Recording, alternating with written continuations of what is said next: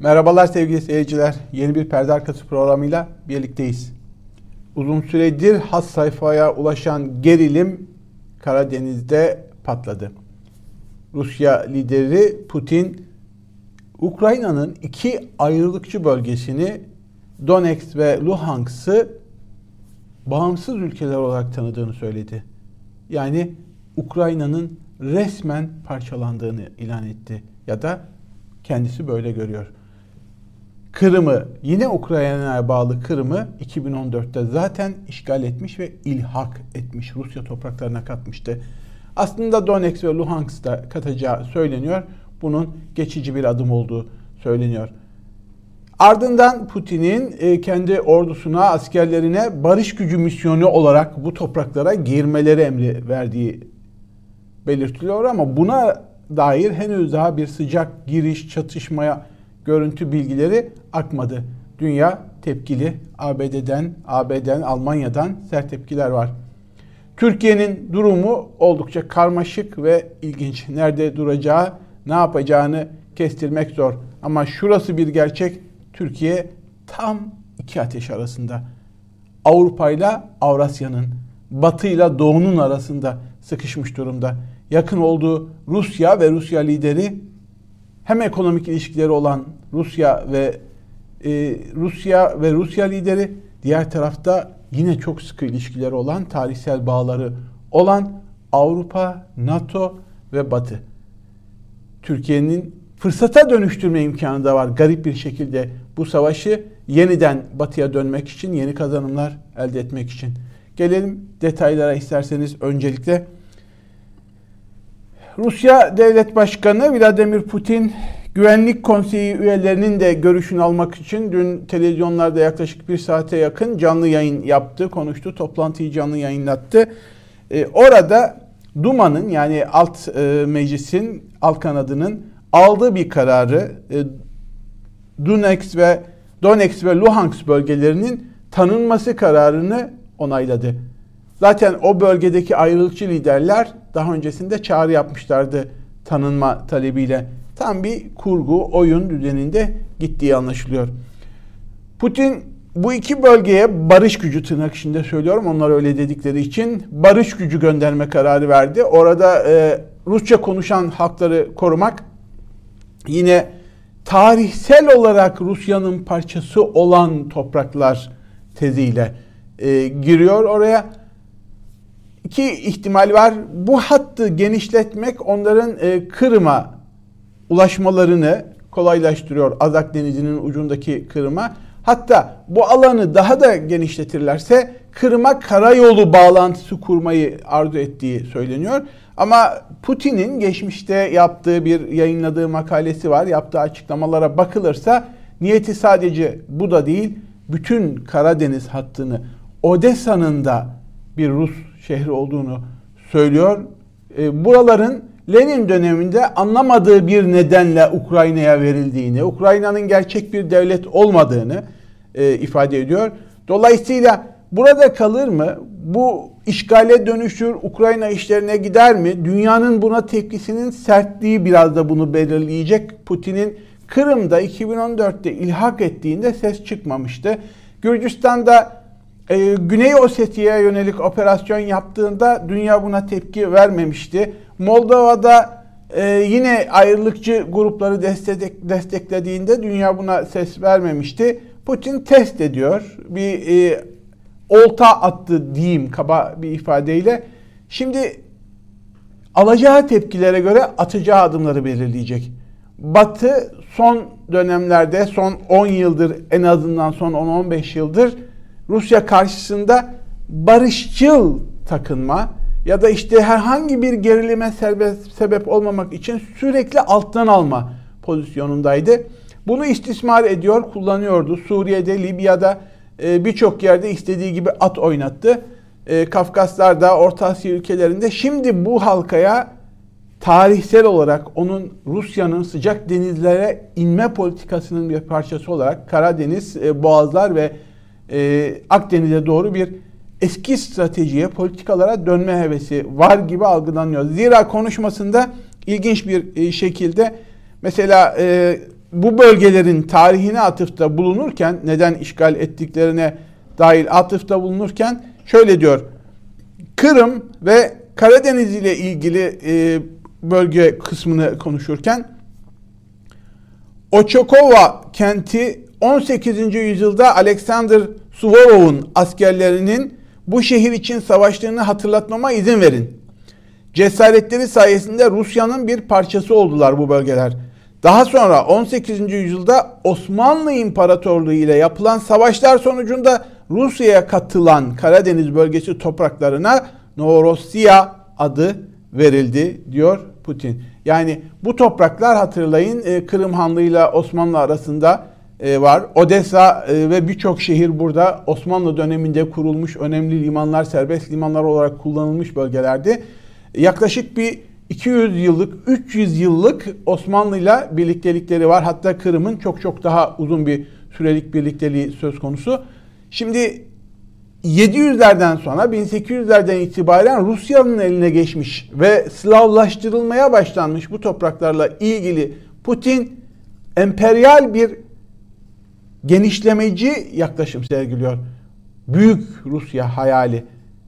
Batı bugüne kadar sessiz kaldı demiştim. Bu sessizlik Putin'i cesaretlendiren hususlardan bir tanesi. Peki bu bir tuzak mı?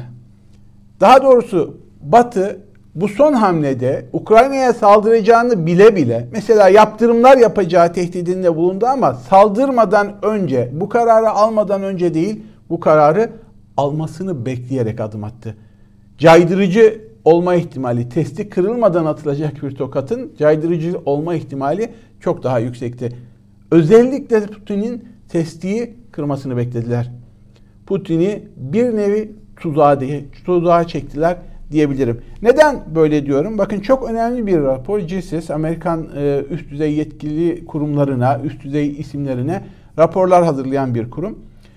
Bir e, son yayınladığı raporlardan bir tanesinde diyor ki Putin şayet Ukrayna'yı işgal ederse batılı güçlerle birlikte, batılı ortaklarıyla birlikte Amerika şu şu şu şunları yapabilir ve Rusya için Ukrayna'yı bir Afganistan, bir Vietnam batağına dönüştürebilir.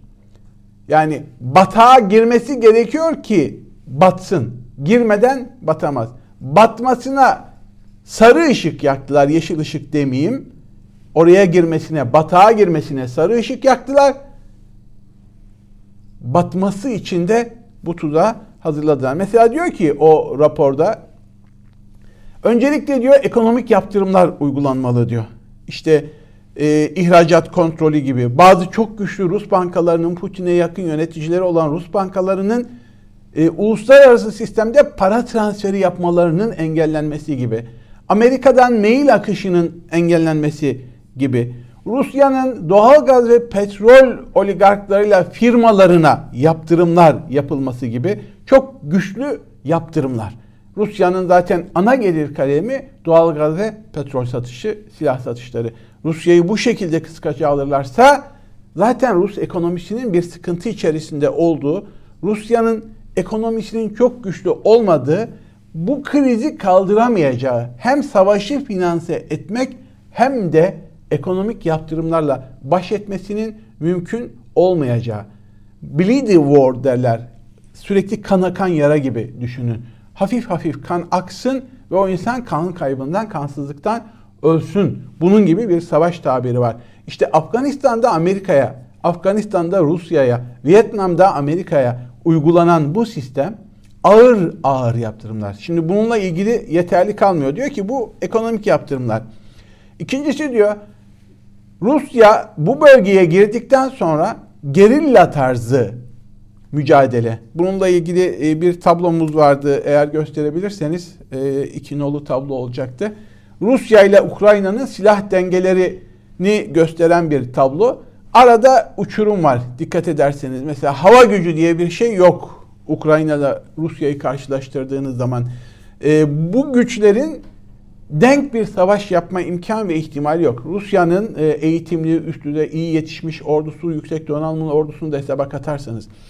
İşte rapor diyor ki doğru Rusya'nın hava gücü çok yüksek. Bununla baş edemeyebilirsiniz ama diyor onun yerine hava gücünün etkisiz kalacağı kara operasyonları beklensin. İşte e, Irak'ta, Suriye'de, Afganistan'da, Vietnam'da bunların hepsi görüldü diyor.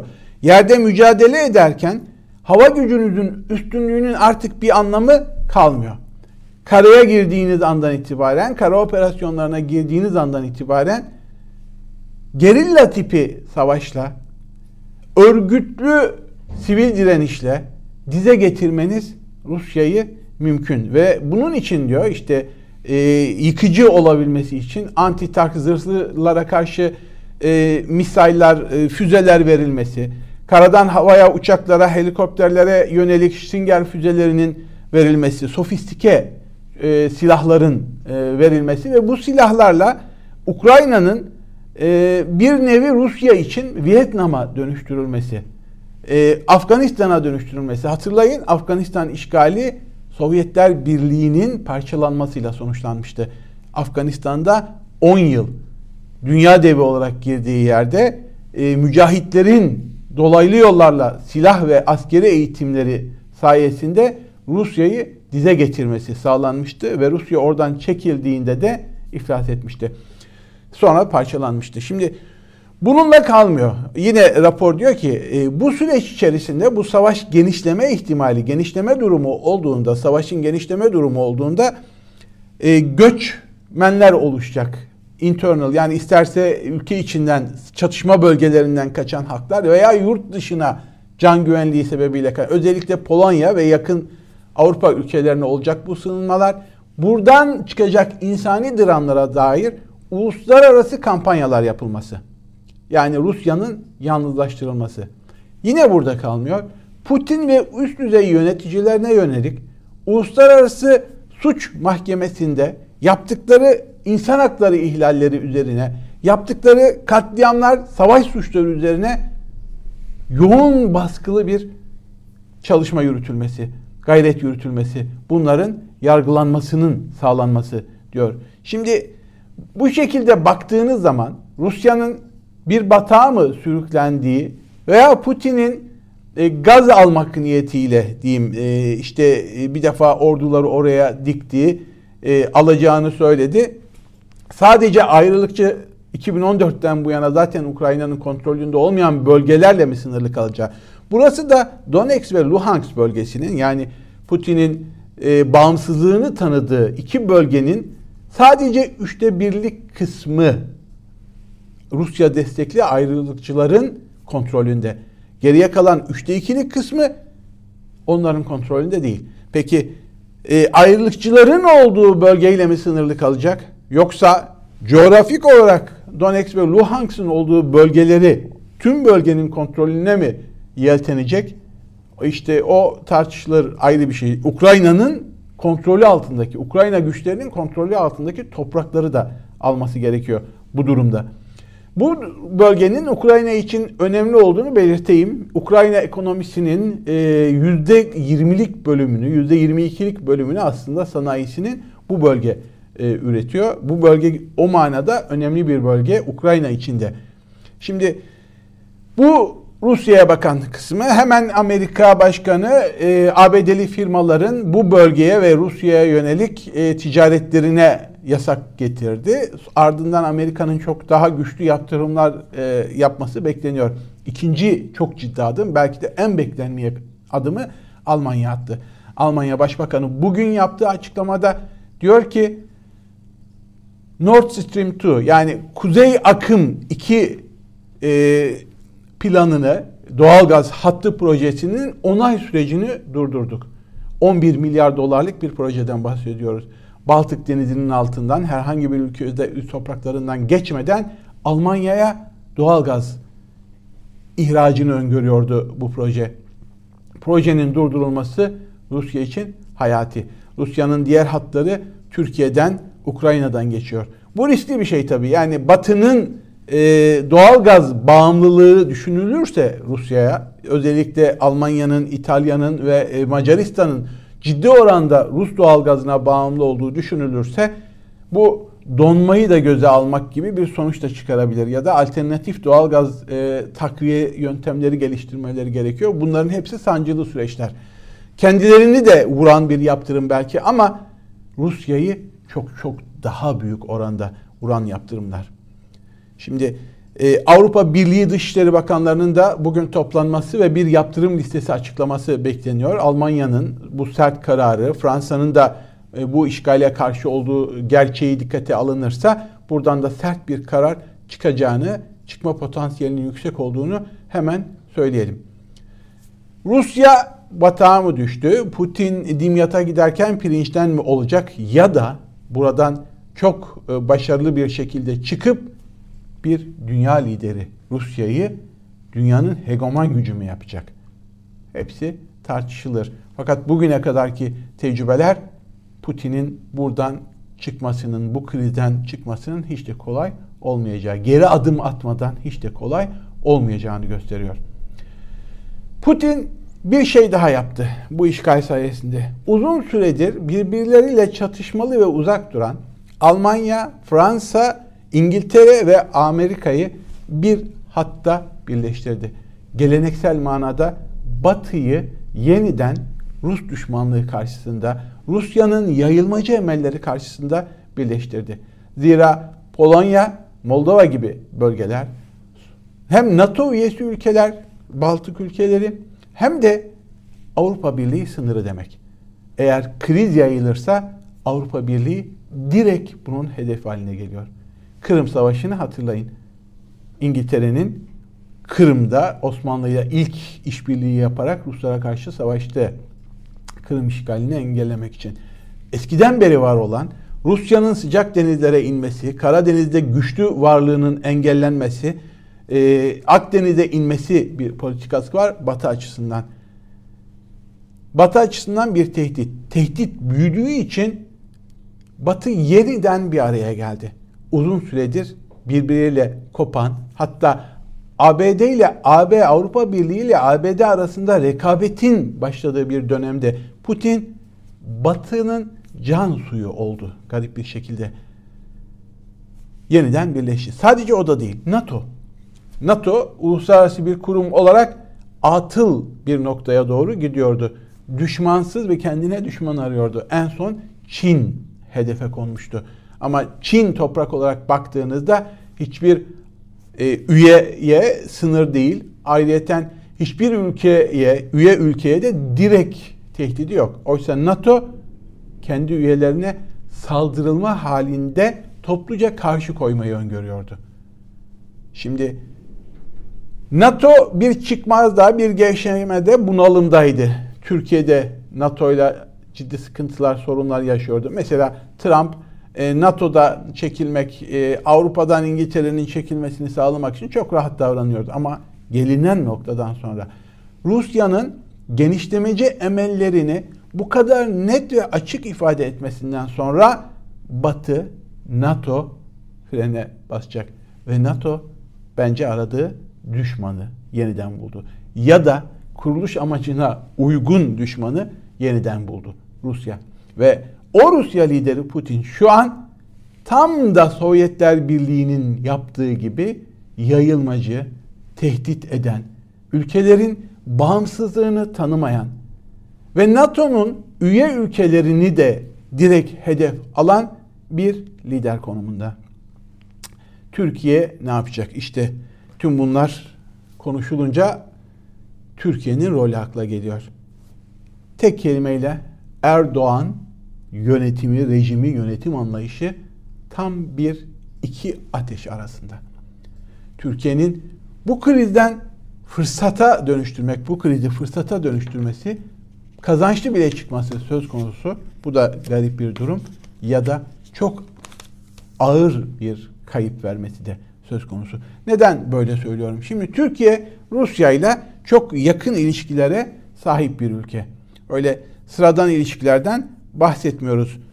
E, hemen ticari rakamlar vardı. O tabloyu ekrana getirebilirse arkadaşlarımız Rusya ile Türkiye arasındaki verileri görmek için Alper Uçok atmış. TÜSİAD'ın Almanya temsilcisi. Türkiye'nin Rusya ile 2021 yılında en çok ithalat yaptığı ülkeymiş Rusya. Türkiye'nin 29 milyar dolar. Bunun içerisinde doğalgaz da var. Türkiye'nin en çok gıda ithalatı yaptığı ülkeymiş aynı zamanda Rusya. 4.3 milyar dolar. Türkiye'nin gaz ithalatının, doğal gaz ithalatının yüzde 63 Rusya'dan olan kısmı. Türkiye'ye en çok turist gönderen 4.7 milyon Rusya'ymış. E, Türk müteahhitlerinin en çok proje üstlendiği 11 milyar 11.2 milyar dolarla Rusya'ymış. Şimdi Türkiye safını netleştirmek zorunda. Hem Rusya'yla hem NATO'yla hem Rusya'yla hem Avrupa Birliği'yle hem Rusya'yla hem Amerika'yla artık iyi olamaz. Birinden birini Rusya ile Çin'i ya da Avrupa ile Amerika'yı yeniden tercih etmek zorunda. Rusya'nın tehditlerinin, Osmanlı göndermelerinin, emperyal yaklaşımlarının Türkiye'nin de geleneksel kulübüne dönmesini zorunlu kılacağını düşünüyorum. Şimdi e, Türkiye'nin Amerika ile sorunu var. Amerika bugün İran'dan sonra en ağır askeri yaptırımları Türkiye'ye uyguluyor. Hatırlayın F-35 projesinden Türkiye çıkarılmıştı. 100 adet 3. nesil savaş uçakları Türkiye'ye verilmiyordu. Neden? Rusya'dan 2 milyar dolar verip S-400 almıştı Türkiye. Her ikisi birbiriyle zıt silahlar. Biri diğerine karşı geliştirilmiş silahlar. Üstelik S-400'lerin bütün know-how'ı, bilgisi, bilgi sistemi, yazılımı Rusya'ya ait ve bu aynı zamanda F-35 yazılımlarının da olduğu sisteme entegre edilmek zorundaydı. ABD ve Batı buna büyük tepki göstermişti. Sadece o değil, e, diğer Avrupa ülkelerinin de Türkiye'ye ciddi yaptırımları var, askeri yaptırımları. Amerika'dan 1973 krizinden bu yana en ağır askeri yaptırımlara maruz kalan Türkiye işte en son gittiğinde F-35'leri vermiyorsunuz bari F-16'ları modernize edin demişti. Bu da henüz onaylanmadı. Şimdi ortada böyle bir Türkiye var. Batı'yla da kavgalı bir Türkiye var. Türkiye bu saatten sonra ne yapabilir? İkincisi Türkiye'nin Ukrayna'ya TB2, Bayraktar 2 e, insansız hava silahlarını ve bazı askeri silahları sattığı resmen herkes tarafından biliniyor. Hatta dahasını söyleyeyim. İşte bu Donetsk'teki ayrılıkçı güçlere çok yakın zamanda havadan sürpriz füze saldırıları olmuştu ve şok geçirdiklerine dair haberler çıkmıştı. İşte o saldırılar Türkiye'nin verdiği Ukrayna'ya sattığı insansız hava uçaklarından yapılmıştı. Tıpkı Karabağ işgalini yapan Ermenilerin Türkiye'nin İHA desteği karşısında şoka uğrayıp yıllarca işgal ettikleri topraklardan anlaşmayla geri çekilmek zorunda kaldıkları gibi. Eğer Rusya devreye girmeseydi Türkiye'nin İHA desteği ABD ve İngiltere ve diğer batılı ülkelerin sofistike dediğimiz e, son derece gelişmiş üst teknolojik silahlar desteğiyle Ukrayna'nın bu bölgelerde tam denetimi sağlama ihtimali çok yüksekti. Şimdi bir taraftan Rusya'nın desteklediği ayrılıkçı gruplara operasyonları yürüten İHA'lar ve belki yarın Rusya sahaya indiğinde Rusya'ya karşı da Türkiye'nin verdiği bu silahlar kullanılmaya başlayacak ve Ukrayna ile 10 milyar dolarlık bir ticaret hacmi anlaşması var Türkiye ile. Ee, en son Sayın Erdoğan oraya gittiğinde böyle bir anlaşma yapmışlardı. Şimdi Rusya mı, Avrasya mı yoksa NATO, Avrupa ve ABD mi? Türkiye Soğuk Savaş döneminin geleneksel ortaklarına mı dönecek yoksa yeni dönemin Avrasyacı yaklaşımlarına sahip içerideki bürokrasinin de Avrasyacıların da etkisiyle Avrasyacı Kanada mı gidecek? Demokrasi insan hakları üzerindeki bir batımı, evrensel ortak değerler yoksa otoriter yaklaşımlara sahip baskıcı rejimlerin olduğu otoriter rejimler kanadına mı geçecek? Bunların hepsi çok ciddi tartışma konusu. İkincisi Rusya ile Türkiye'nin arasındaki sorunlar sadece bunlarla da sınırlı değil. Hatırlayın Libya'da aslında Rusya'nın desteklediği gruplarla Türkiye'nin desteklediği gruplar çatıştı. Vesayet savaşları dediğimiz savaşlardı. Suriye'de hakeza benzer bir durum yaşanıyor ve Türkiye ciddi kayıplar verdi. İşte İdlib ve şeye sıkıştı. Daha önceki yerlerden çekilmek zorunda kaldı. Türkiye Rus savaş uçağını, Türk sınırını ihlal eden Rus savaş uçağını düşürdü. Şimdi Rusya ile çatışma bölgeleri yeni değil. Yine Karabağ'da karşı karşıya gelindi. Kafkas politikaları Orta Asya, Kazakistan'da karşı karşıya gelinmiş durumda. Gürcistan'da karşı karşıya gelinmiş durumda. Rusya'nın yayılmacı emelleriyle Türkiye'nin hayalleri çatışıyor. O çatışma içerisinde Rusya ile işbirliğinde ayakta kalmanız, Rusya tarafını seçerek ayakta kalmanız mümkün değil. Ancak geri adım atmanız gerekiyor. Şimdi e, böyle bir ortamda Türkiye ne yapacak? Rusya'nın asıl e, hedefinin Karadenizlerde Karadeniz'de yeniden güçlenmek, işte boğazları da tehdit etmek anlamına geliyor. Akdeniz'e inme politikası Türkiye'yi de tehdit eden bir unsur. 1945'te Türkiye'nin NATO'ya girmesi, Batı bloğuna geçmesi, hatta çok partili sisteme geçmeyi kabul etmesi işte Rusya'nın Boğazlar tehdidiyle olmuştu. Şimdi yeniden Boğazlar tehdidi var. İkincisi Rus savaş gemilerinin boğazdan geçmesi bir dert. Rusya ile mücadele etmek isteyen Amerika, NATO ve diğer batılı ülkelerin savaş tonajları belli e, boğazlardan geçecek savaş gemilerinin tonajları kıyısı olmayan ülkelerin e, daha yüksek kapasiteli denizaltıların savaş gemilerinin geçişine izin verecek mi? Göz yummak zorunda kalacak mı? Türkiye'de NATO üsleri, Amerikan üsleri var. İncirlik'ten kalkan uçaklar gözetleme faaliyetleri yapıyorlar. Gerçekten iki ateş arasında.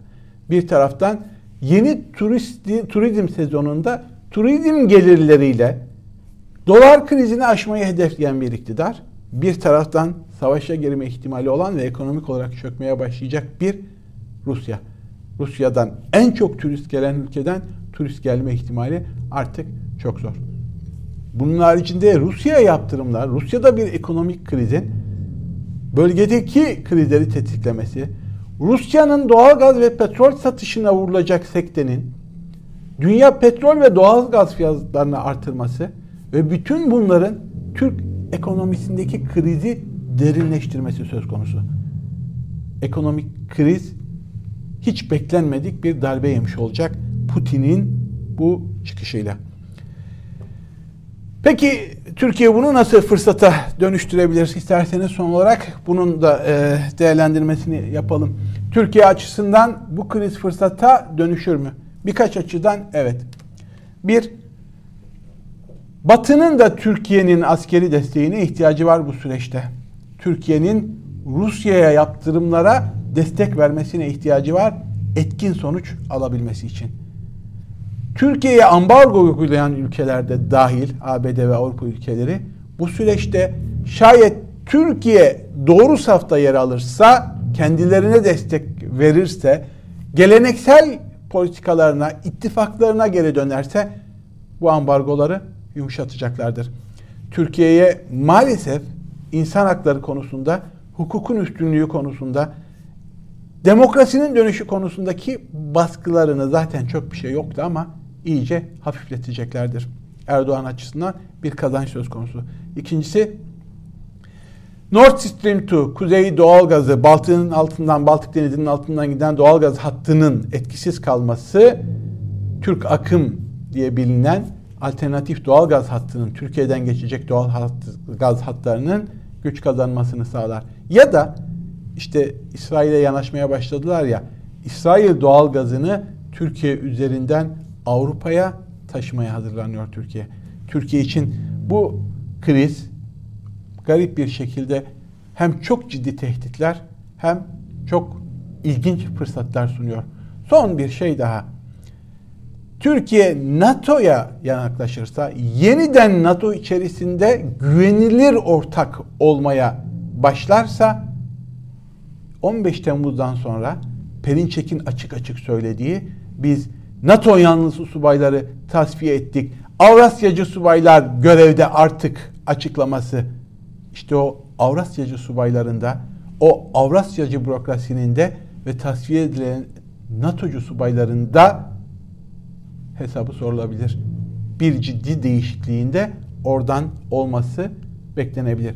Türkiye bunların hiçbirini yapmaz. Bu fırsatları değil de Rusya'ya yakınlaşmayı tercih ederse çok daha ciddi krizler yaşanabilir.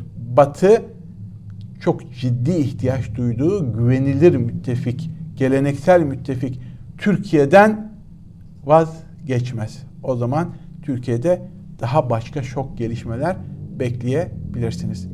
Evet, Ukrayna krizi görünüşte bizden uzak değil ama arada denizin olduğu bir krizden, bize etkileme ihtimali zayıf gibi duran bir krizden bahsediyoruz. Hatta o kadar önemsiz ki dünya bu krize konsantreyken devlet başkanımız, tek liderimiz, tek adam Erdoğan Afrika'da açılımlar peşindeydi.